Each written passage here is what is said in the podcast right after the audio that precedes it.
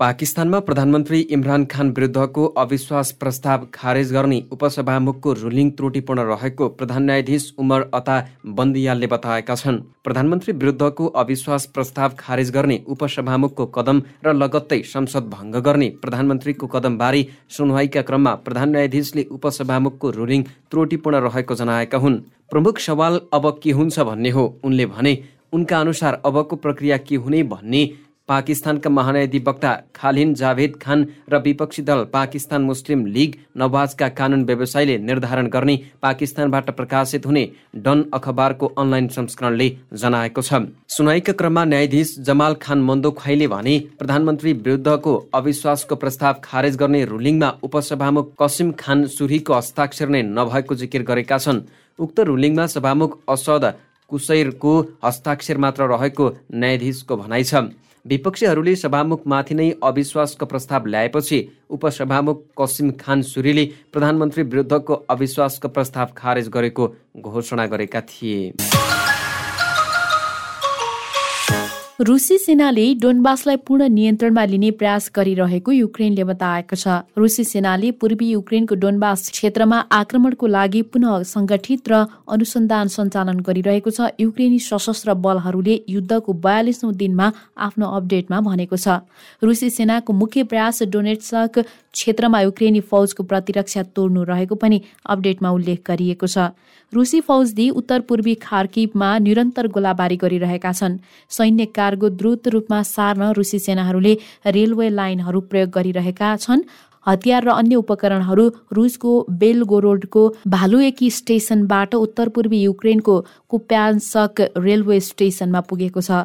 युक्रेनी सेनाले युक्रेनको दक्षिणमा खेर्सन नजिक रहेको ओसोकोरिप्कालाई रुसी सेनाबाट फिर्ता लिएको जनाएको छ। यद्यपि यसको स्वतन्त्र पुष्टि हुन भने बाँकी छ।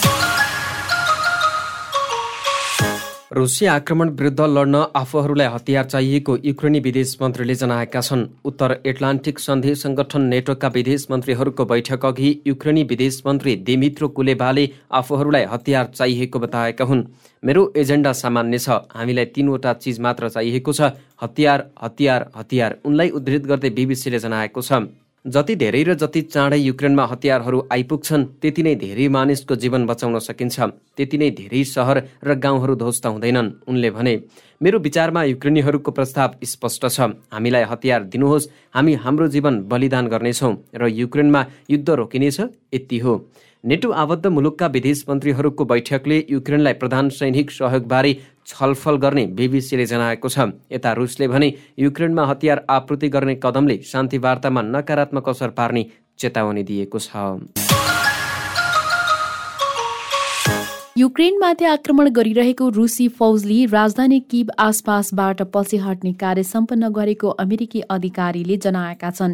नाम नबताउने शर्तमा वरिष्ठ अमेरिकी सुरक्षा अधिकारीले अल जजिरालाई बताए अनुसार किब आसपासबाट पछि हटेसँगै रुसी सेनाले पुनः आक्रमण गर्न पुनर्ताजगी र बन्दोबस्तीको सामानको आपूर्तिको काम गरिरहेको छ। रुसले अब आफ्नो फौजको आक्रमण पूर्वी युक्रेनको डोनबास क्षेत्रमा केन्द्रित हुने बताइसकेको छ। रुसी फौजले के के छाडेर गएछन् भनेर हामी हेरिरहेका छौँ। ती अधिकारीले भने रुसी फौज किब आसपासबाट पछि हटे पनि किबमाथि रुसी आक्रमणको जोखिम भने उत्तिकै रहेको उनको भनाइ छ। अहिलेका लागि किबमा जमिनबाट सैनिक कारवाहीको जोखिम छैन तर उनीहरूको दीर्घकालीन लक्ष्य के हो त्यो पनि स्पष्ट छैन उनले भने। पूर्वी युक्रेनको खार्किब लुहान्स्क र डोनेट्सका बासिन्दालाई ती क्षेत्र तत्काल खाली गर्न त्यहाँको सरकारले आह्वान गरेको छ। रुसी सेनाले पूर्वी युक्रेनलाई लक्षित गरी नयाँ हमला गर्ने प्रासबीच युक्रेनी उप प्रधानमन्त्री इरिना भेरेसचुकले यस्तो आग्रह गरेकी हुन्। यो अहिले नै गर्नुपर्छ किनभने पछि मानिसहरू आगोमा पर्नेछन् र मृत्युको जोखिमको सामना गर्नेछन् प्रत्यक्ष टेलिभिजन सम्बोधनमा उप प्रधानमन्त्री भेरेसचुकले भनिन्। सरकारको अनुरोधपछि ती क्षेत्रबाट सर्वसाधारण नागरिक सुरक्षित क्षेत्रतर्फ जान थालेको बताइएको छ। रुसले आफ्नो आक्रमणको केन्द्रबिन्दु पूर्वी युक्रेनलाई बनाउने यसअघि नै सङ्केत गरेको थियो। पूर्वी युक्रेनलाई लक्षित गरी आक्रमण गर्नका लागि रुसी सेना अघिले पुनर्वर्गीकरण पुनर्ताजगीमा लागेको विश्वास गरिन्छ। फेब्रुअरी चौबिसमा थालिएको आक्रमण राजधानी किब आसपासको मोर्चामा सुस्त बनेपछि रुसी सेना पछि हटेका छन्।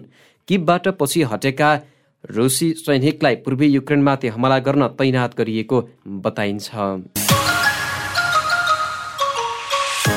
अस्ट्रियाले चार रुसी कुटनीतिज्ञलाई देश निकाला गर्ने भएको छ। अस्ट्रियन विदेश मन्त्रालयले जनाएअनुसार कुटनीतिक मर्यादा बाहिर गई काम गर्ने चार रुसी कुटनीतिज्ञलाई देश निकाला गर्न लागि हो।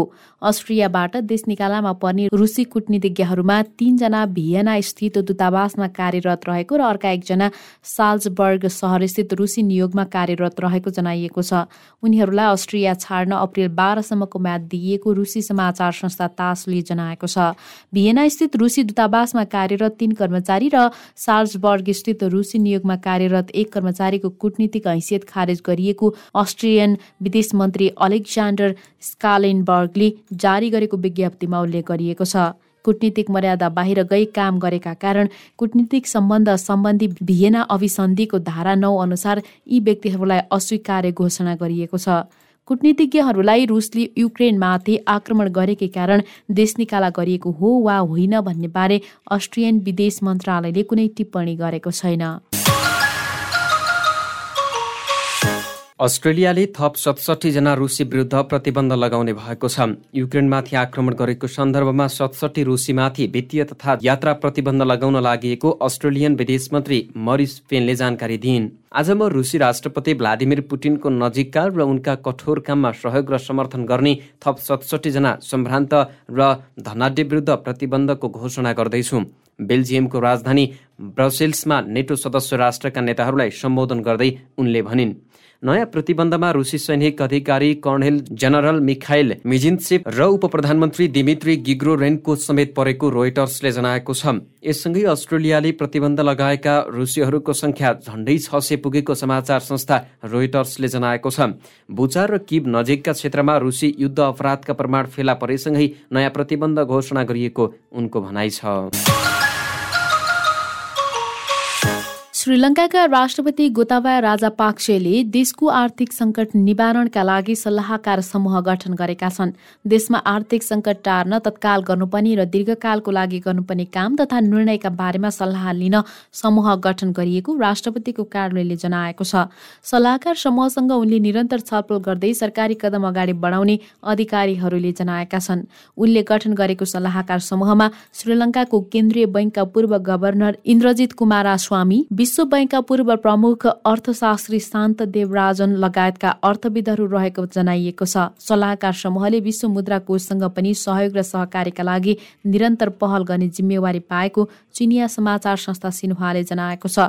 चर्को आर्थिक सङ्कट एवं अत्यावश्यक वस्तुको अभाव खेपिरहेको श्रीलङ्कामा सरकार विरुद्ध प्रदर्शन चर्किरहेका बेला राष्ट्रपति राजा पाक्सेले सल्लाहकार समूह गठन गरेका हुन्। श्रीलङ्काको राजधानी कोलम्बो स्थित एक अदालतले श्रीलङ्काले केन्द्रीय बैङ्कका पूर्व गभर्नरलाई भागेर विदेश नजान आदेश दिएको छ। कोलम्बोको चिफ मजिस्ट्रेट अदालतले केन्द्रीय बैङ्कका पूर्व गभर्नर अजित निर्भात काब्राललाई देश छाडेर कतै नजान आदेश दिएको श्रीलङ्काको अङ्ग्रेजी भाषाको अखबार डेली मिररको अनलाइन संस्करणले जनाएको हो। दक्षिणी प्रान्तका पूर्व गभर्नर रजित किर्ति थेन्नाकुनको उजुरीका आधारमा कोलम्बोका अभियोजनकर्ता हर्षना केकुनवालाले अदालतमा पूर्व गभर्नर विरुद्ध मुद्दा दायर गरेका थिए। उनलाई अप्रेल अठारमा अदालतमा हाजिर हुन समेत निर्देशन दिएको छ। देशमा बढ्दो आर्थिक सङ्कट एवं अत्यावश्यक वस्तुको अभावबीच सरकार विरोधी प्रदर्शन चर्किएसँगै उनले केही दिन अघि मात्रै राजीनामा दिएका थिए। मुलुकको गिर्दो आर्थिक अवस्था तथा विदेशी मुद्राको चरम अभावको व्यवस्थापन गर्न नसकेको भन्दै पूर्व गभर्नर काभ्रालको चर्को आलोचना हुने गरेको छ। अमेरिकाले आफ्ना नागरिकलाई सङ्कटग्रस्त श्रीलङ्काको भ्रमण गर्नु अघि पुनर्विचार गर्न आह्वान गरेको छ। अमेरिकाको विदेश मन्त्रालयले आफ्ना नागरिकका लागि भ्रमण निर्देशिका ट्राभल एडभाइजरी जारी गर्दै यस्तो आह्वान गरेको हो। श्रीलङ्कामा आतंकवादको पनि खतरा रहेको एडभाइजरीमा उल्लेख गरिएको छ। कोभिड नाइन्टिन र इन्धन र औषधिको अभावका कारण श्रीलङ्का भ्रमण गर्न पुनर्विचार गर्नुहोला। आतंकवादका कारण श्रीलङ्कामा रहँदा उच्च सतर्कता अप्नाउनुहोला। विदेश मन्त्रालय एडभाइजरीमा एडभाइजरीमा उल्लेख छ। हालै त्यहाँ आर्थिक अवस्थाका कारण प्रदर्शनहरू भएका छन् र पेट्रोल पम्प औषधि पसल र किराना पसलमा मानिसहरूको लाम लागेको छ। देशभर नै प्रदर्शन भइरहेको छ र प्राय शान्तिपूर्ण छ। कतै कतै प्रहरीले प्रदर्शनकारीलाई तितर बितर पार्न पानीको फोहरा र अस्त्र ग्यास प्रयोग गरेको छ एडभाइजरीमा जनाइएको छ। र लकडाउनका कारण चिनको व्यापारिक केन्द्र साङ्घाईमा खाद्यान्न अभाव देखिएको छ। बढ्दो कोभिड नाइन्टिन संक्रमण रोकथामका लागि लागू गरिएको लकडाउनका कारण स्थानीयहरूको खाद्यान्न सकिँदै गएको बिबिसीले जनाएको छ। बिहिबार मात्रै साङ्घाईमा बिस भन्दा धेरै संक्रमित फेला परेका थिए। दुई करोड पचास लाख जनसङ्ख्या रहेको साङ्घाईमा अनिश्चितकालसम्मका लागि लकडाउनको घोषणा गरेसँगै सहरको खाद्यान्न आपूर्ति व्यवस्थामा असर पुगेको जनाइएको छ। कृपया अपर्याप्त आपूर्ति क्षमताबाट उत्पन्न समस्या समाधान गर्नुहोला। चिनिया सामाजिक सञ्जाल वेबोमा सरकारले जारी गरेको भिडियोमा एकजनाले प्रतिक्रिया दिएका छन्। जीवनमै पहिलो पल्ट म भोकै भएँ। सामाजिक सञ्जालमा अर्का एकजनाको टिप्पणी छ। खाद्यान्न डेलिभरी गर्नेहरू पनि लकडाउन भएको क्षेत्रमा फँसेका कारण यस्तो अवस्था उत्पन्न भएको बिबिसीले जनाएको छ। सरकारी अधिकारीहरूले सहरमा लकडाउनका कारण समस्या उत्पन्न भएको स्वीकार गर्दै कठिनाईको समाधान गर्न आफूहरू लागि परेको जनाएका छन्।